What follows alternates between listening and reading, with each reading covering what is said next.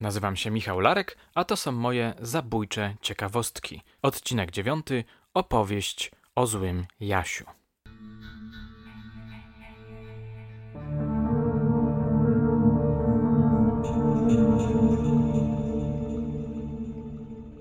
W chirurgu mojej najnowszej powieści pojawił się wątek osobliwego zabójcy. Oto na milicję zgłasza się młody mężczyzna, który oznajmił, że zabił mamusię, tatusia i brata. Być może brzmi to dość dziwnie, ale no cóż, jest to cytat z rzeczywistości. Ten, kto zna moje książki, wie, że uwielbiam przemycać do nich prawdziwe opowieści. Tę historię, którą trochę przekształciłem, opowiedział mi kapitan Czechanowski.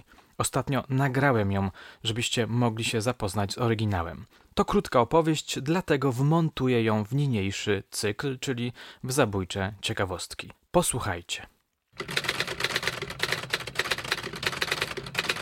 Mamy lata 70. Milicja otrzymuje informację, że w okolicach Krotoszyna doszło do potrójnego zabójstwa. Naczelnik wysyła tam ekipę, w której znajdował się również kapitan Czechanowski. Pojechaliśmy samochodem służbowym w takim typowym zestawie wyjazdowym, a więc funkcjonariusz Wydziału Dochodzeniowo-Śledczego, funkcjonariusz Wydziału Kryminalnego, ekspert technik z Wydziału Kryminalistyki, kierowca. Czasami braliśmy ze sobą lekarza, medyka sądowego, czasami prokuratora, a czasami prokurator przyjeżdżał swoim pojazdem. Akurat w tym zestawie byliśmy tylko we troje. Przyjechaliśmy do Krotoszyna, do komendy powiatowej i komendantem był Kazimierz Jarlaczyk, a zastępcą był Zygmunt Kalinowski, który chyba jeszcze do tej pory żyje. Panowie y, poinformowali nas o sytuacji, co się stało. Straszna sprawa, tak oni to mówili, bo w tym rejonie takich sytuacji nie było. Stan faktyczny wyglądał następująco. Młody człowiek, sokista, 20 parę lat, prawie 30, wzorowy pracownik, posiadający uprawnienia do posiadania w czasie służby broni długiej i krótkiej, po skończonej pracy udał się do miejsca zamieszkania po nocy do wioski Kobierno. To jest parę kilometrów od Krotoszyna. W tym domu zamieszkiwał on, ojciec, mama i siostra. Po drodze, idąc do domu, spotkał swego ojca, który jechał na rowerze. Był piany. Syn zwrócił mu uwagę, żeby więcej nie pił. Był to problem tego ojca jego starszego pana, nałogowy pijak. On, młody człowiek, nie pił.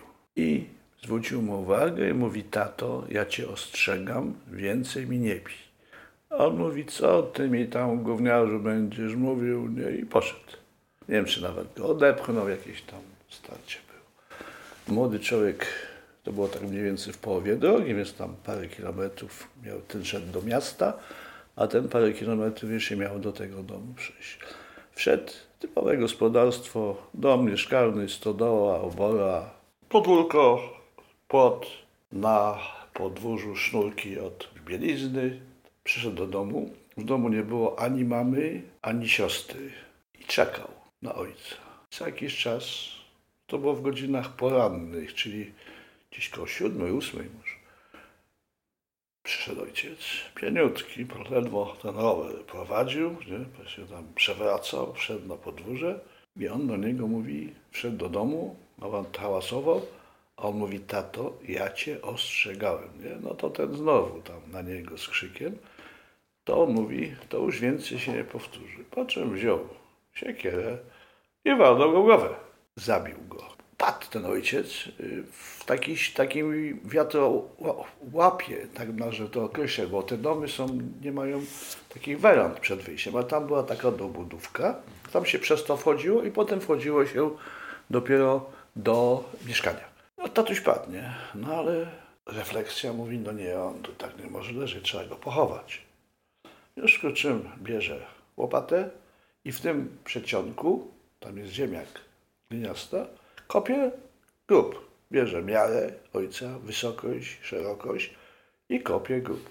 Kopie, kopie, kopie, a robi to bardzo szybko i wykopał gdzieś tam przeszło metry już tego, tego grobu w głąb. I kiedy jest w połowie, bo wchodzi mama. bo musi tędy przejść, żeby wejść do domu. Jezus, Janek, coś ty zrobił. A on mówi, mama, cicho, cicho. Ona nie ludzie, no to bierze, wali mamę tą siekierą też. Baba pada obok, kładę obok.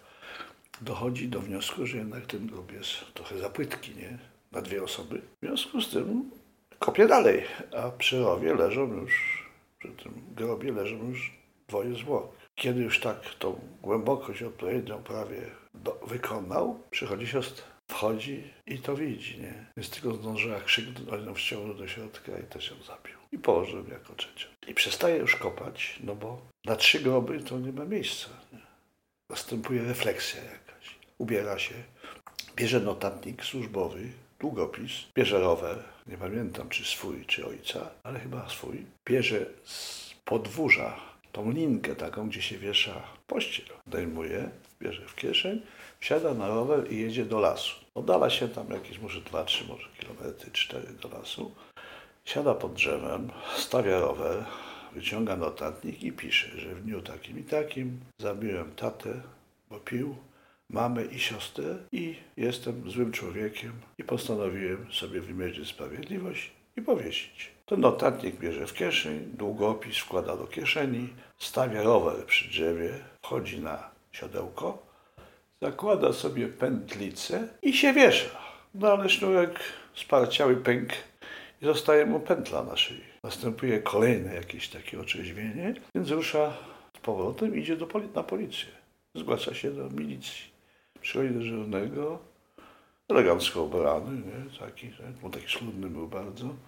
Do tego dyżurnego mówi, panie dyżurny, zabiłem ojca, matkę i siostrę. To ten mówi, "E, mi tu, co mi zawraca. On mówi, nie, proszę pana, na pewno ja to zrobiłem, nie? No i tam się znalazł jakiś operacyjny, mówi, no weź, weź, weź pan tutaj. I jak mu to mówi, no to natychmiast zatrzymują go, posyłają tam radiowóz i stwierdzają, że leżą tam trzy zwłoki. Pogotowie, lekarz, to wszystko. My jak przyjechaliśmy, to oni już byli w kostnicy wszyscy, nie było już tam żadnych zwłok, a Jasiu był w areszcie. No i prokurator przyjechał z prokuratury wojewódzkiej, Andrzej Petryniak do dzisiaj żyje i, i decyzja, nie? no co robimy z nim? No chyba on jest wariat. Nie? Naczelnik mój ówczesny nieżyjący pułkownik Bolesław Laskowski, późniejszy komendant wojewódzki w Koninie, mówi słuchaj, weź nagraj go, nie? Nagrajcie go tego. No więc magnetofon, co było nowością, Szpulowy? Spolowy, tak, postawiliśmy magnetofon, Jasiu usiadł, nie, tam dwóch konwojentów, nie, ale ja mówię, że ja tu, bo już mu ten szał minął, nie. Jeden tam siedział konwojent, no i słowo od słowa i takie pytanie, odpowiedź, pytanie, Kto odpowiedź. Ja go przesłuchiwałem, prokurator był przy tym obecny, ale właściwie ja zadawałem, bo Andrzej Petryniak był takim, takim prokuratorem, że nie, nie wtrącał się. Jak widział, że oficer prowadzący ma wenę twórczą i wie o co chodzi, to mu tam nie przerywał. Czasami coś podnosił rękę, że chce coś powiedzieć. No i tam takie były sytuacje. No i opowiedział wszystko. To myśmy tam parę godzin to nagrywali. Potem sekretarka miała obowiązek tego przepisania na maszynę. No, Jasiu to podpisał, no i do aresztu, nie? No ale doszli do wniosku, że to jest chyba yy, no, niespełna rozumu, nie? Sprawdzono w nieczasie jego kartoteki, tam niezdrowy, badany, wszystko, pozwolenie na broń, te wszystkie, te wszystkie standardy. Wzorowy pracownik, niepijący, punktualny, no ale schizofrenia paranoidalna, nie? I ten ojciec mu tak dawał do wiwatu. zdiagnozowali tę No schizofrenię? dopiero jak, po prostu jak nastąpiło tragiczne zdarzenie. No i, i potem następnego, dnia- pojechaliśmy do Poznania, następnego dnia pa- zapadła decyzja, że mamy zrobić następnego, czy za dwa dni. Aha, został aresztowany, ale osadzony w areszcie chyba, nie wiem, chyba tam w komendzie, bo to tak szybko wszystko szło. I postanowiliśmy zrobić wizję lokalną z nim. Pamiętam, że załatwiliśmy y, pod oddział ZOMO z Kalisza, bo taki tam był, przyjechali. No i ruszyliśmy. Był ekspert, y, który otwarł to na taśmie y, fotograficznej, już nie filmowej, bo była to sprawa na umorzenie nie, praktycznie. Aleśmy te czynności wszystkie wykonali. On zaprowadził nas od domu, pokazał jak tam bił, nie, grób, tu, gdzie kto leżał, dokładnie, wszyściutko, nie? Tak spokojem, dokładnie, ale pytanie, odpowiedź. Nie pokaż, tu pokażę. Tak samo ciebie nie. Trzeba było o niego się pytać. Oczywiście nie sugerowaliśmy mu nic, no bo pytaliśmy się, zresztą wiedzieliśmy, jak to wygląda, mogliśmy zaraz skorygować, czy mówi prawdę, czy nie, ale mówił prawdę. Potem poprowadził nas tą, tą drogą, tam do lasu, którędy jechał i tam ten rower stał. Nie? I na tym drzewie wisiało jeszcze y, ta kawałek tylinki, ale jak byliśmy na, zaczynaliśmy tą wizję od tego kobierna, tego domu, miejsca zabójstwa, to jeszcze wisiał ten sznur, nie? kawałek. I prokurator mówi, wiesz co, mówi, ja ten kawałek tego sznura wezmę, żeby to było już takie zamknięcie na 100%, że ten sznur, co na szyi miał, jak przyszedł do, do, na komisariat i ten, co wisi na drzewie i, i ten, co został nie, urwany, no to jest jedno, no to dowód jest elegancki. Jeśli ten sznur żeśmy zabezpieczyli, jeszcze w protokole jest kawałek tego sznuru, że na polecenie prokuratora, pamiętam jak gdzieś... Czyli on przyszedł na komisariat... Tak, tak, tak, kawałkiem sznura, no. no. I, I poszedł i, i, i, i no i tam żeśmy to wzięli, nie? I stamtąd pojechał potem już do zakładu, do, do nie wiem, czy, czy do, chyba na Młyn, na, na, na, na Młyńską, nie? Tam aresztowany. Oczywiście podpisał i wizję, i wszystko, i, i potem była decyzja. Aha, i decyzja była taka, że nie prowadzi to prokuratura wojewódzka, Wydział śledczy, tylko prokurator rejonowy w Krotoszynie. Jasiu trafił na szpitala psychiatrycznego. Później, później się po paru latach pytałem, więc trafił do, do zamkniętego zakładu psychiatrycznego, tylko nie wiem gdzie już, nie? Yy, tutaj taką rzeczą, którą, znaczy no, Nasze, nasze działanie było rutynowe, prawdziwe, adekwatne do sytuacji, jaka zaistniała, ale yy, tak przyglądałem się właśnie temu człowiekowi i on był chory od początku, tylko tego nikt nie zauważył, bo yy, takie z doświadczenia mam, że jak ktoś jest za bardzo, dba o, do przesady, o porządek, jak ktoś za bardzo jest taki zasadniczy, ale taki aż do przesady, to zawsze jakaś jest trochę, nazwijmy to, ja nie jestem psychiatrą i psychologiem, ale z takiej praktyki własnej wiem, że to coś jest trochę nie tak. To jakaś może, aberracja. tak? jakaś aberracja, jakieś takie sytuacje, która może się rozwinąć coś, a może być normalnym takim dziewactwem. A on tutaj miał właśnie to, to a ponadto ten ojciec jego no, był takim bardzo niedobrym człowiekiem, zwykłym takim robolem, który tam tu pracował, tam pracował nie? i pijak, nie? I może tego ja się bił, bo na temat swojego życiorysu nie chciał nic mówić. Nie? Właśnie, bo chciałem zapytać o ten Tak, on właśnie, tak, właśnie nie chciał o tym nic mówić. Nie? Myśl, on mówił o tym, co się zdarzyło. Nie? Od momentu, kiedy że ojciec pił, że on zwracał wielokrotnie uwagę, że powiedział mu, że to ostatni raz, nie? I jeszcze jakby go tam nie spotkał, to może by to nie było, nie?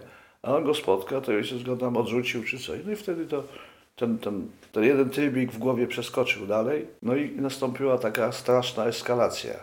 On robił to w pełnym, znaczy się był niepoczytalny, ale z pełną świadomością wykonywania swojego zadania, bo psychiczny taki właśnie schizofrenik, to on jest bardzo dokładny, bardzo przebiegły, robi perfekcyjnie, potrafi się pięknie zacząć ślady za sobą, wszystko, mimo że to się dzieje w tej takiej aurze, nie? I on to wszystko i, i dokładnie relacjonował, punkt po punkcie pokazywał wszystko. No swoją historię przedstawił, nie? A czy miał wyrzuty z sumienia z powodu zabicia Nie. matki i... i Znaczy on mówił, że on musiał. Musiał, Ale bo one, tak, bo, no, bo weszły, no i... Czy nie miał wyrzutów sumienia? Nie, nie miał, nie miał. Znaczy trochę żal mu było, nie? ale nie w sensie, wie pan, żalu takiego, że my się, jeju, co ja zrobiłem, nie? On tak, no, cholendę zrobiłem, nie? Yy, ta silnia tego, jakbym tak powiedział, to nie była na to, na ten, na ten żal, tylko na takie coś, takie może yy, wytłumaczenie sobie, dlaczego to zrobił, a równocześnie no, no żal, ale widocznie musiałem to zrobić i to zrobiłem, bo ten główny cel zrealizował. Ukarał, nie? Ukarał ojca. Jakby one nie przyszły, jak on by zakopał, to może by to nie zrobił, chociaż psychiatra mówił, że Że mógłby zrobić. mógł zrobić. Mocna historia, prawda? Prosta, ale mocna. Jestem ciekawy, co się działo na co dzień w tym domu, a przede wszystkim chciałbym się dowiedzieć, czy ojciec swoim zachowaniem przyczynił się do powstania zaburzeń psychicznych u Jasia. to kolejna sprawa, w której sprawca okazuje się tyleż agresorem, co ofiarą cudzej agresji. No cóż, to tyle na dzisiaj. Zachęcam Was do lektury chirurga, w którym znajdziecie więcej takich prawdziwych opowieści. Do usłyszenia już niebawem.